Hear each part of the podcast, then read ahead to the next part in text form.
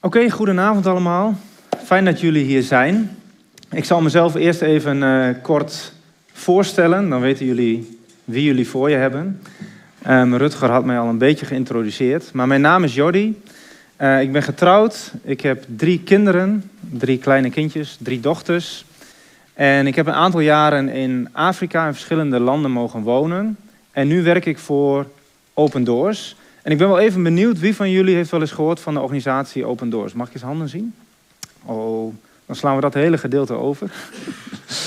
nee, dat scheelt weer een heleboel. Um, in mijn werk voor Open Doors mag ik regelmatig uh, vervolgde christenen ontmoeten. En hun verhalen deel ik dan met jongeren, uh, studentenverenigingen, catecheseclubs. En ik vind het dus ook heel fijn dat ik hier vanavond mag zijn om een verhaal met jullie te delen. Niet alleen om te delen over de vervolgde kerk, maar ook om jullie als het ware aan te moedigen om de Heer Jezus na te volgen en om je te laten weten dat het volgen van Jezus een hoge prijs waard is. En met die deur wil ik eigenlijk gelijk maar in huis vallen. Ik ben ervan overtuigd dat als je Jezus wil volgen, dat je daar een prijs voor betaalt. Dat als je echt wil leven naar Gods woord, als je wil toegewijd zijn aan Hem, dat dat komt met een prijs. En de reden dat ik daarvan overtuigd ben, is omdat dat staat in de Bijbel. Ik kon hem gewoon meenemen hier naartoe, want in Nederland is dit geen illegaal boek, zoals jullie weten. In heel veel landen is dat wel het geval. Maar wij kunnen vanavond uh, de Bijbel openen en uh, het gedeelte dat Rutger had uitgezocht, daar wil ik straks ook nog even op terugkomen. In Handelingen 5 lazen we een kort gedeelte over vervolging. En dat is een van de verhalen in de Bijbel die gaat over vervolging. Maar de Bijbel staat er eigenlijk vol mee. Vervolging is dus niet een uh, thema, hè, dat je zou kunnen zeggen van nou laten we eens een thema uit de Bijbel kiezen. Maar vervolging is meer een rode draad in de Bijbel. Je kan denken aan de profeten, aan de Heer Jezus, aan de apostelen, Stefanus, Paulus. Dus vervolging komt volop voor in de Bijbel. En dan kan je misschien nog denken van, nou dat was iets van bijbelse tijden, maar die vervolging die gaat door tot op de dag van vandaag.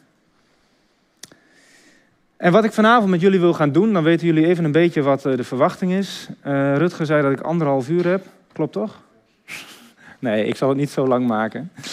Um, maar ik hoop wel dat ik jullie uh, kan boeien met mijn verhaal. Wat ik wil doen is kijken naar de Bijbel, uh, omdat we die ruimte hebben. We hebben Gods woord hier volop beschikbaar. Dus heel belangrijk om te kijken wat de Bijbel daarover zegt.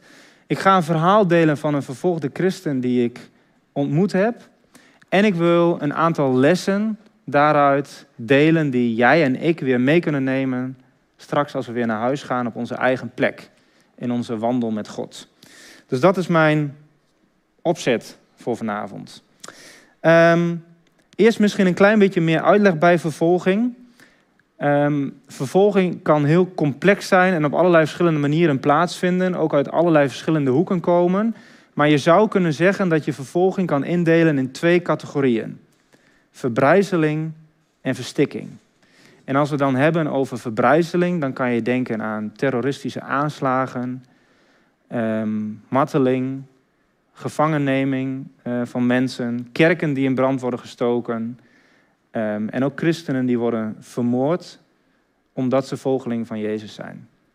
En als we het hebben over de categorie verstikking, dan wordt het je bijna onmogelijk gemaakt om christen te zijn. Dan kan je bijvoorbeeld denken aan druk vanuit de overheid, wetgeving, zoals ik zei, is de Bijbel in heel veel landen een illegaal boek. Of het is bijvoorbeeld verboden om te evangeliseren. Maar druk kan ook komen vanuit de samenleving. Het kan zijn dat je als christen gediscrimineerd wordt. Dat je, uh, je kan wel gaan solliciteren, maar je krijgt toch geen werk omdat ze weten dat je christen bent. En dus zit je financieel met een probleem. Of wat we zagen in het filmpje van Soy, dat je uh, op school, als je studeert, dat je bewust benadeeld wordt met je cijfers, dat je geen diploma krijgt. Um, en heel vaak zien wij ook, en dat verwacht je misschien niet, maar dat vervolging komt vanuit de eigen familie. Dus heel vaak zijn het mensen van dichtbij die heel veel druk uitoefenen op christenen om afstand te doen van de Heer Jezus. Eigenlijk ook een beetje wat we lazen in Handelingen 5. Nou, dat over vervolging. De Heer Jezus werd zelf ook vervolgd en die is zich daar heel bewust van. En die waarschuwt zijn volgelingen daar ook voor. En daar wil ik even met jullie een vers over lezen.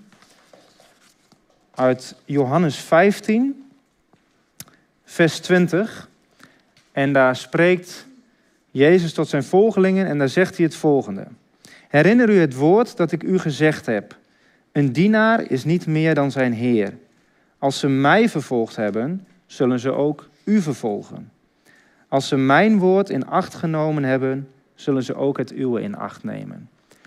Jezus wordt zelf vervolgd en hij zegt, als jij bij mij wil horen, als jij ook een volgeling van mij wil zijn, dan is het eigenlijk heel logisch dat jij ook te maken krijgt met vervolging. En dan vraag je misschien af, ehm, ja, misschien komt het dichtbij, maar misschien is het ook een ver van je bedshow en denk je, waarom vindt die vervolging nou plaats? Nou, dan kunnen we één vers verder lezen, vers 21, en daar staat eigenlijk het antwoord. Daar zegt Jezus, maar al deze dingen zullen zij u aandoen omwille van mijn naam.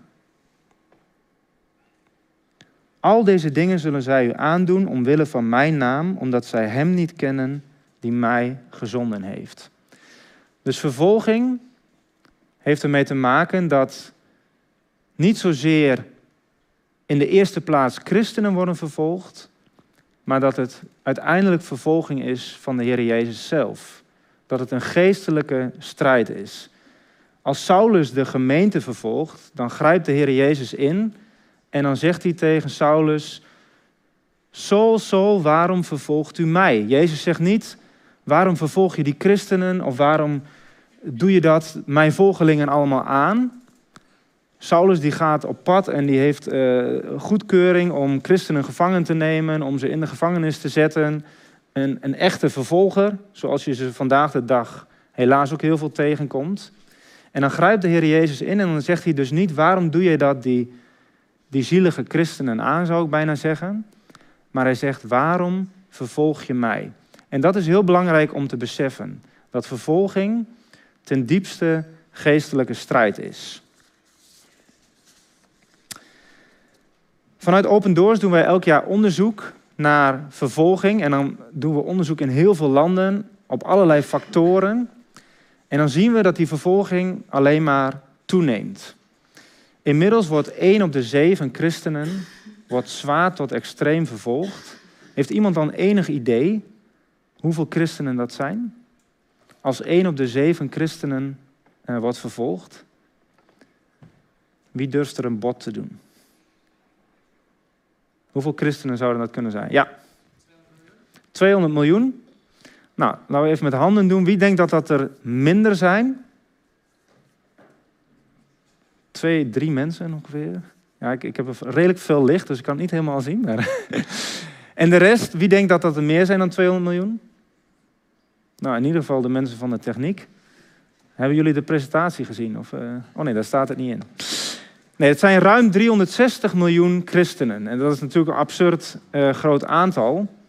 Maar dat geeft dus wel aan dat vervolging niet ergens in een hoekje zit weggedrukt.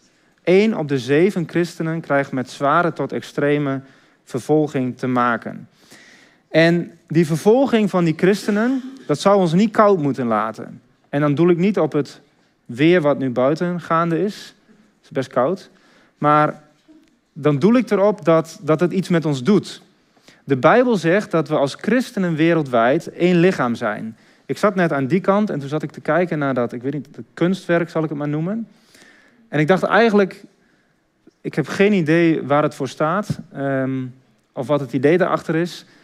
Maar het, voor mij is het wel een heel mooi beeld van de wereldwijde kerk. Je ziet allerlei verschillende kleuren. De kerk heeft ook allerlei kleuren en allerlei verschillende culturen. Maar je ziet wel dat het één beeld is. En zo zijn wij als christenen wereldwijd verbonden. En het is heel mooi om dat te beseffen. We zijn hier met een groep bij elkaar, dat is al heel fijn. Maar je bent onderdeel van een veel grotere wereldwijde familie. En in de eerste brief aan Korinthe, daar zegt Paulus daar wat over, over dat lichaam van Christus. hoofdstuk 12, vers 26, dan zegt hij: Als één lid lijdt, lijden alle leden mee. Als ik hoofdpijn heb, dan heb ik daar met mijn hele lichaam last van. Dan kan ik niet met mijn hele lichaam functioneren alsof er met mijn hoofd niks aan de hand is. Wie van jullie heeft wel eens een kleine teen gestoten? Ja, dat is vrij pijnlijk. Ik heb dat vaker dan één keer gedaan, iets met een ezel. Ehm, maar dan heb je daar met je hele lichaam last van. En dat is ook logisch, want ons lichaam is letterlijk verbonden met elkaar. Het zijn niet allemaal losse delen die een beetje om elkaar heen zweven. En zo zegt de Bijbel, is het ook met de wereldwijde kerk. Als één lid lijdt, dan heeft dat effect op het hele lichaam. En dus ligt er ook een, je zou kunnen zeggen, een opdracht voor ons om mee te lijden met vervolgde christenen. Nou, ik wil vanavond met jullie het verhaal van Manga gaan delen. Manga is een jonge man uit Nigeria. Maar voordat ik dat doe, heb ik een heel kort filmpje. Um, dan zie je de wereldkaart, uh, of eigenlijk zie je het continent Afrika, want daar zoom ik vanavond op in. En dan zie je hoe in de afgelopen 30 jaar de vervolging zich heeft ontwikkeld op dat continent. Als een land wit gekleurd is, dan is er geen vervolging. En als de kleur wat donkerder wordt, van geel naar oranje naar rood, dan neemt de vervolging toe. Dit is de ranglijst 2023. Volgende week dan brengen wij de ranglijst 2024 uit. Maar je ziet de ontwikkeling, met name in de afgelopen tien jaar, dat vervolging extreem toeneemt. Tegelijkertijd, en dat is weer het goede nieuws, groeit de kerk ook in Afrika. Er komen steeds meer christenen.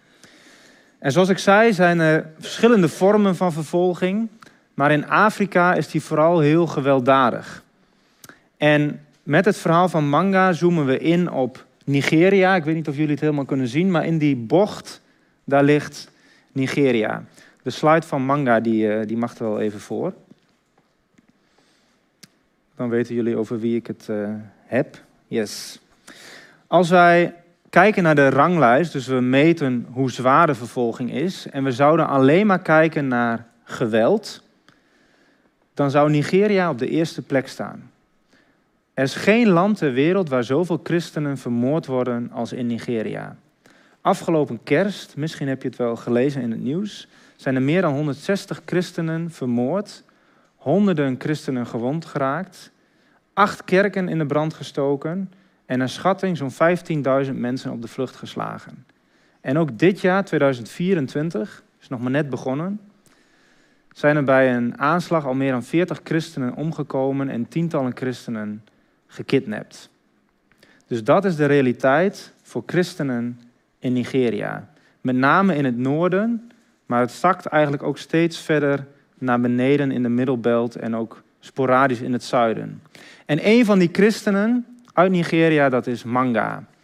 En ik ontmoette hem afgelopen jaar en hij deelde zijn verhaal met mij.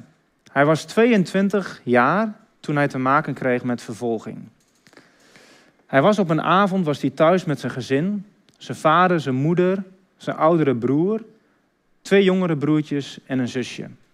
Dus een gezin met vijf kinderen. Het was iets na zeven uur.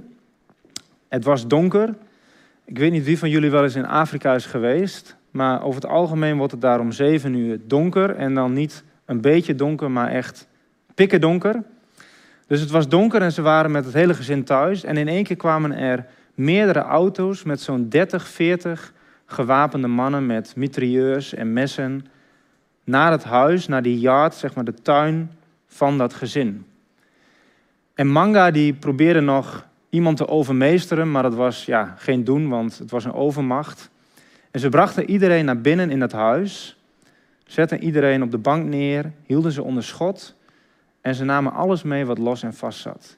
En Manga die dacht, dit is een bende bandieten of rovers. Ze stelen alles van ons. En hij dacht, nou ja, zolang ik maar in leven blijf, dan moeten we ja, morgen eigenlijk ons leven maar opnieuw beginnen. Um, ze namen alles mee. Bestek uit de la. De gordijnen haalden ze zelfs van de muren af. En het meest pijnlijke voor Manga was dat ze ook zijn autosleutel vonden. Hij had net een auto. Was best een prestatie voor hem dat hij een eigen auto had. Was een heel klein autootje. Dus stelde niet zo heel veel voor, maar voor hem was die auto heel veel waard. En ook die auto werd gestolen.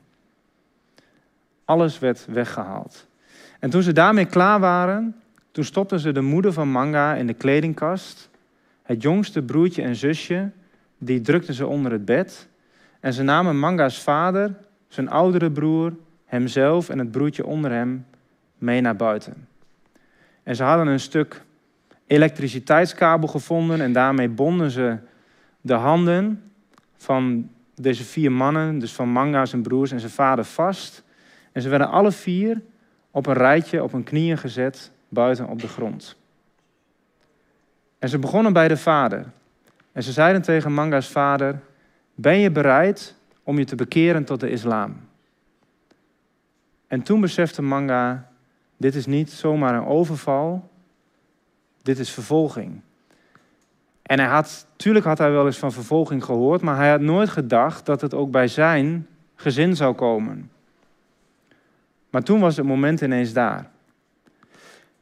En Manga's vader die dacht na over de vraag en die zei: Ja, zei hij, dat is nogal wat voor ons om ons als gezin te bekeren. Geef ons een dag de tijd en dan zijn we er morgen klaar voor.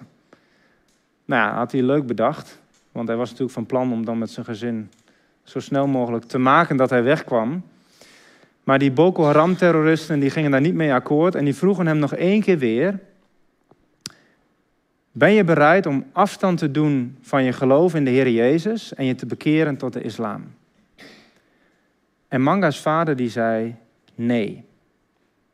En hij werd ter plekke onthoofd en viel neer op de grond. Toen gingen ze naar Manga's oudere broer.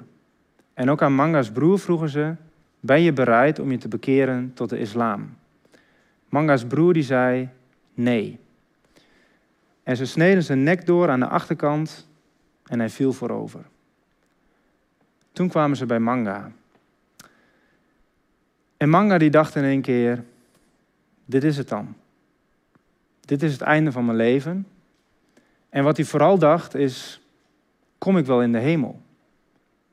Ik heb, eigenlijk heb ik mijn geloof nooit echt serieus genomen. Hij zei, ik ging wel naar de kerk, maar dat deed ik eigenlijk omdat het moest van mijn moeder. Daarom ging hij naar de kerk. Hij vond de muziek vond hij wel mooi, maar als er dan een gepreekt werd, dan liep hij meestal een beetje achteraan de kerk uit en dan kwam hij later wel een keer binnen. Maar toen dacht hij in één keer, ja, nu komt het erop aan. Dus het enige wat hij kon bedenken is bidden.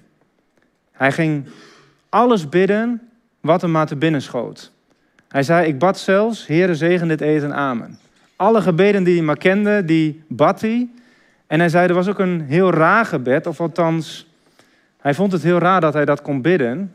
Hij had het in die zin niet zelf bedacht, maar hij bad, Heer vergeef hem wat ze doen, want ze weten niet wat ze doen. En toen kreeg hij ook die vraag, ben je bereid om je te bekeren tot de islam? En Manga, die zei nee. Toen zeiden die terroristen tegen elkaar, die kregen wat discussie en die zeiden van ja, dit was die gast die, die dacht dat hij stoer was. We gaan hem extra pijnigen. Dus ze liepen weg en ze kwamen terug. In plaats van met een gewoon mes, kwamen ze terug met een kattelmes. En ze hebben Manga's nek rondom helemaal doorgesneden. En hij viel voorover op de grond. Toen kwamen ze bij het broertje onder Manga en die terroristen die discussieerden een beetje van, ja, is dit nou eigenlijk een volwassene of is het nog een kind? En ze besloten dat het toch nog maar een kind was, dus die stuurden ze ook naar binnen. Ze maakten nog een soort bom van een accu en wat benzine en die hingen ze aan het hek en daarna vertrokken ze. Ondertussen was Manga's moeder aan het schreeuwen in huis, om hulp aan het roepen. Maar ja, het halve dorp was gevlucht, dus het duurde een tijdje voordat mensen terugkwamen. En toen mensen weer terugkwamen, toen durfden ze niet bij dat huis te komen vanwege die bom die daar hing. Dus ze besloten de lokale autoriteiten en de politie maar te bellen. Het duurde ook even. En toen die bom ontmanteld was, toen bevrijden ze de moeder en de kinderen. En die moeder kwam naar buiten en die zei gelijk: Probeer alsjeblieft het leven van mijn zoons, van Manga en zijn broer, te redden. Want ik ben mijn man nu kwijtgeraakt. Maar ik wil, ik wil wel dat mijn zoons in leven blijven. Dus ze legde Manga en de broer achter in een autootje. En een aantal buurjongens die sprongen erbij op en ze reden naar een kliniekje. En toen ze bij die kliniek aankwamen, toen zei de arts, die keek naar allebei, Manga en zijn broer, en die zei: Ja, Manga, dat, dat wordt hem niet. Dat duurt hooguit nog een paar minuten en dan, dan leeft hij niet meer. Plus, we hebben niet voldoende bloed op voorraad. Dus we moeten kiezen, laten we dan zijn broer gaan opereren. Maar Manga's moeder die zei, probeer toch alsjeblieft ook het leven van Manga te redden. En die buurjongens die mee waren, die zeiden van wij willen wel bloed doneren. Dus met enige tegenzin zei die arts, oké vooruit. Die buurjongens die mochten bloed doneren. En ondertussen begonnen ze met de operatie van Manga's broer. Dat bloed dat werd gedoneerd, maar dat moest eerst nog door een labtest, dat er geen drugs in zat of wat dan ook. Dus dat duurde ook nog weer een tijd. En ondertussen lag Manga daar maar. Toen het bloed beschikbaar kwam, toen begonnen ze ook met de operatie van Manga. En toen ze bezig waren met Manga, stopte na een tijdje het hart van Manga met kloppen. En de arts die zei, zie je wel, kansloze missie. Alles is kapot. Dit wordt hem niet. Die arts die liep weg om een lijkzak op te halen. En toen hij terugkwam bij de operatietafel, toen klopte het hart van Manga weer. En ze gingen verder met de operatie. En ongeveer zes maanden later liep Manga de kliniek uit. Hij was wonderlijk snel genezen. Manga's broer heeft het ook overleefd. En toen Manga uit die kliniek kwam, toen zat hij eerst vol met woede. Hij dacht, ik moet op zoek naar een geweer en dan ga ik op zoek naar die terroristen en dan vermoord ik ze allemaal. Maar tegelijk met die gedachten begon hij ook de Bijbel te lezen. En tot zijn grote verbazing, want hij had eigenlijk nooit echt de Bijbel gelezen, las hij bepaalde gebeden in de Bijbel die hij zelf ook gebeden had toen hij het letterlijk het mes op zijn keel kreeg. En hij las ook dat je je vijanden moet vergeven en liefhebben. En door de kracht van de Heilige Geest veranderde zijn hart en kon hij ook die vijanden echt vergeven. Iemand die vroeg aan hem: stel nou dat die terroristen de zaal binnen zouden komen en wat zou jij dan tegen hen zeggen? En Manga die zei: nou, ik zou ze niet een knuffel geven, maar ik zou ze wel zeggen dat het feit dat ik nog leef, dat dat een bewijs is dat God bestaat en dat Jezus ook voor hen gestorven is. Manga is nu vol van de Heer. Hij zegt letterlijk, ik klamp mij vast aan Jezus. Waar hij zich eerst schaamde voor het litteken, hij deed zijn kraag altijd een beetje omhoog zo. Of hij droeg een sjaal als hij eh, naar school ging, of als hij ergens ging solliciteren. Maar nu laat hij het gewoon zien. Heel vaak betekent dat dat hij geen werk krijgt. Want als hij een sollicitatiegesprek heeft, dan vraagt ja, eigenlijk iedereen van, goh, wat, want je kan het zien op de foto, is een enorm litteken wat hij heeft. Wat, wat is er met jou gebeurd? En dan vertelt hij gewoon wat er is gebeurd, dat hij christen is. En dan denkt zo'n werkgever, ja, die gast die moet ik niet hebben, want straks komen die terroristen ook naar mijn bedrijf toe. Het bijzondere is dus dat Manga zo vol is van de Heer dat hij niks anders doet dan over hem vertellen.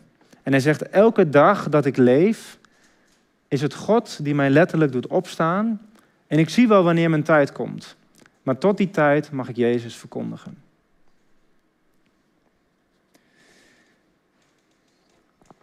Christenen zoals Manga, de vervolgde kerk, die houden ons eigenlijk een spiegel voor. Want als ik zo iemand als Manga ontmoet, dan denk ik na van wat zou ik zelf hebben gedaan in die situatie. En dat denk jij misschien nu ook wel. Met uiteindelijk die vraag, hoe kostbaar is Jezus voor jou? Hoe kostbaar is Jezus voor mij? Ik wil met jullie nog een keer teruggaan naar het Bijbelgedeelte uit Handelingen 5 en een aantal versen daaruit halen met een aantal lessen die je eigenlijk ook ziet in het leven van Manga. Dus dat pak ik er even bij. Even kijken, Handelingen 5. En dan allereerst vers 29.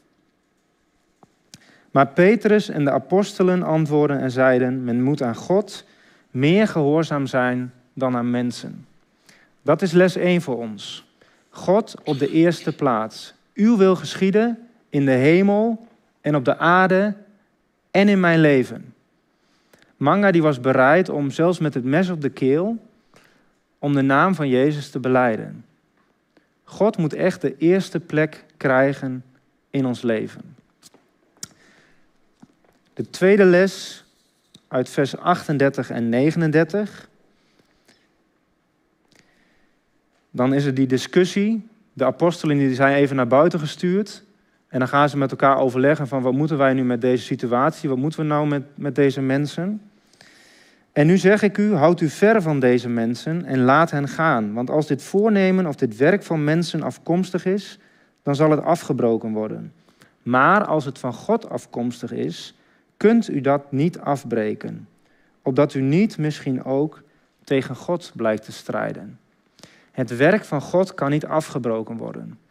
Heel vaak zie je in landen waar de kerk extreem onder druk staat. Als je bijvoorbeeld denkt aan Iran, waar sharia-wetgeving is ingevoerd, waar het lijkt alsof er geen kerk is, daar komen ontzettend veel mensen tot geloof op dit moment. Dus daar is een, ik zou bijna zeggen, een explosieve kerk. Dat is misschien een wat rare term in deze context. Maar een heel snel groeiende gemeente. En dat is heel bijzonder. Want je zou misschien verwachten, waar je vrijheid hebt, heb je ook volop de vrijheid om te evangeliseren, om Jezus bekend te maken. Maar we zien juist dat ook op plekken waar dat haast onmogelijk is, dat meer en meer mensen tot geloof komen. Dat wereldwijde lichaam, waar we het net al over hadden, dat behoort Christus toe en hij laat zijn kerk niet alleen. Dus dat is ontzettend bemoedigend, ook voor ons. Misschien denk je in Nederland ook wel van ja, we zijn een minderheid. Um, we zijn hier met een, met een hele mooie groep vanavond. Maar ja, als je de straat op gaat, dan zijn er ook heel veel jongeren vanavond niet hier. Maar toch, in Christus zijn wij een overwinnende meerderheid. En in de Romeinenbrief staat dat wij in Christus meer dan overwinnaars zijn. En daar mogen we ons aan vasthouden. Dan als les 3, zoals ik zei, vier lessen. Wou ik nog even kijken naar vers 41. Zij dan gingen weg uit de tegenwoordigheid van de raad en waren verblijd dat zij waardig geacht waren omwille van zijn naam schandelijk behandeld te worden. Dus die apostelen die gaan weg en die, die zijn eigenlijk super enthousiast en blij dat ze gegezeld zijn, dat ze verhoord zijn, dat ze onder druk worden gezet, dat ze waardig waren om te lijden omwille van de naam van Jezus. En dat klinkt heel raar, maar ik denk dat als je echt vol bent van de Heer, dat je dat toch kunt begrijpen. Het is een soort geheimenis wat vervolgde christenen zoals Manga kennen en wat Paulus ook kent. En dat deed me denken aan een tekst uit 2 Korinthe 12, vers 10, waarin Paulus zegt: Daarom heb ik een behagen in zwakheden, in smadelijke behandelingen, in noden, in vervolgingen, in benauwdheden, om Christus wil. Want wanneer ik zwak ben, dan ben ik machtig. In onze zwakte, juist dan wordt de kracht van Christus zichtbaar. En als laatste vers 42, dat is ook het laatste vers dat we in het Bijbelgedeelte hebben gelezen. En zij hielden niet op iedere dag in de tempel en bij de huizen onderwijs te geven en Jezus Christus te verkondigen. Nou, ik zou zeggen, ga er maar aan staan. Om elke dag de Heer Jezus te verkondigen. En dan niet alleen in de tempel, niet alleen op een plek zoals hier vanavond, maar ook bij de huizen, ook bij je buren, ook op je school, op je werk. Er ligt een opdracht voor ons om die naam, om niet te stoppen met praten over de naam van de Heer Jezus. En dan mogen we denk ik best wel een beetje uitgedaagd worden door de vervolgde kerk. Uh, want het zal niet altijd makkelijk gaan als je dat doet. Het zal niet altijd lovende reacties oproepen. Mensen zullen niet altijd blij zijn als je dat doet. Maar toch hebben we heel veel vrijheid hier om dat te doen. We kunnen hier gewoon in vrijheid bij elkaar komen. Er is niemand die hier hopelijk met heel veel angst zit. Dus laten we ook van die vrijheid in Nederland gebruik maken om Jezus bekend te maken.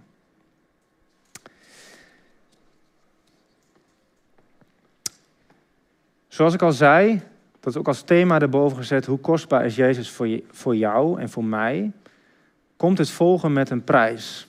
En Jezus vraagt van ons, stelt ons eigenlijk die vraag van hoe kostbaar ben ik voor jou? En ben ik belangrijker voor jou dan andere dingen in jouw leven?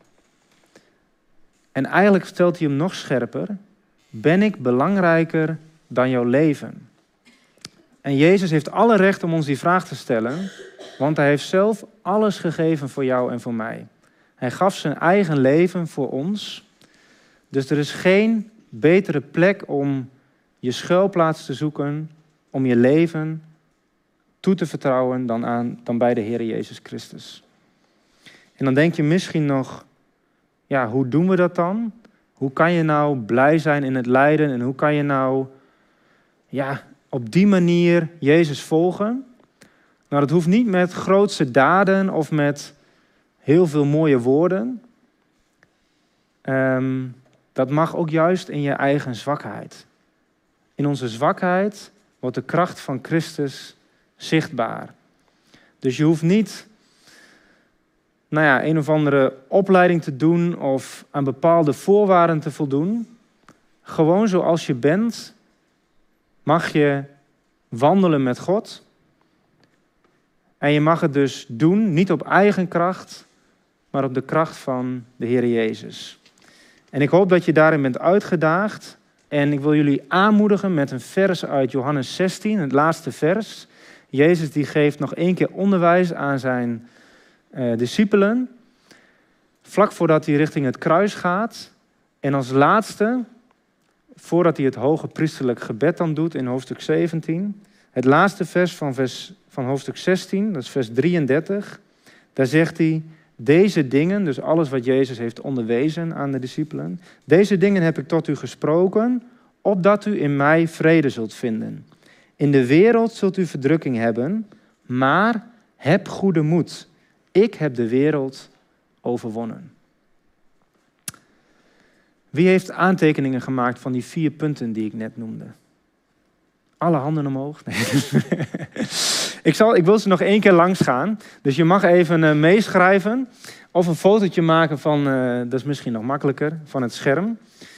Ik hoop oprecht dat jullie dit meenemen vanuit huis. Dat jullie uh, geïnspireerd raken ook door mede-christenen wereldwijd die niet de vrijheid kennen zoals wij. Dat we allereerst God op de eerste plek zetten. Dat we in alles wat we doen, in je studiekeuze, in je werk, ook in de misschien voor je gevoel kleine keuzes die je maakt, dat je God op de eerste plek zet. En dan de bemoediging, wat we ook lezen in Johannes 16, vers 33. De Heer Jezus heeft de wereld overwonnen. Als je bij Hem hoort, ook al lijkt dat soms niet zo, dan ben je onderdeel van het winnende team. En les 3, je kan blij zijn in verdrukking, in lijden, omwille de naam van Christus. Omdat dat betekent dat je bij Hem hoort. Je mag dat dragen en je mag ook de kracht krijgen. Manga die was niet een soort, of is niet een soort superchristen. En Manga was niet een evangelist die heel Nigeria doorging en omdat hij dat maar deed, werd hij aangevallen. Nee, Manga was christen. Het gezin stond bekend als christenen. En daarom werden ze vervolgd. En tot slot de uitdaging, misschien wel de meest actieve uitdaging om Jezus Christus elke dag bekend te maken. Ik wil afsluiten met een kort iets wat ik meemaakte afgelopen jaar. Ik heb volgens mij niet de anderhalf uur volgemaakt, dus dat is prima toch? ik was afgelopen zomer in Cairo, de hoofdstad van Egypte. En Egypte is een land waar 90% van de mensen moslim zijn. Ehm, en ik liep daar door de stad.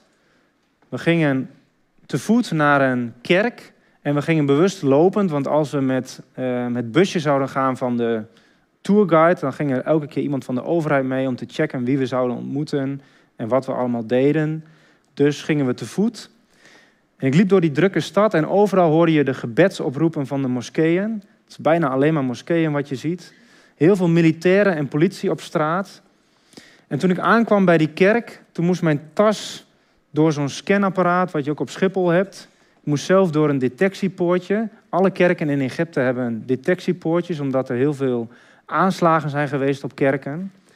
En toen ik binnenkwam bij die kerk, toen kon ik mijn ogen bijna niet geloven. Het was een vrijdagavond, er was een jeugddienst met 1500 jongeren. En dan ook echt alleen maar jongeren. Die vol enthousiasme liederen zongen zoals wij dat hier vanavond mogen doen. Die luisterden naar een overdenking uit Gods woord. En wat ik daar dus zag was niet een te neergeslagen kerk die dacht, er is geen hoop in Egypte. Nee, ik zag, een, ik zag heel veel jongeren die vol vuur de Heer Jezus na willen volgen. Als we iets kunnen leren van de vervolgde kerk, dan is het dat het volgen van de Heer Jezus een hoge prijs waard is. Dus laten we met die vraag ook onszelf uitdagen. Hoe kostbaar is Jezus voor jou en voor mij? Amen.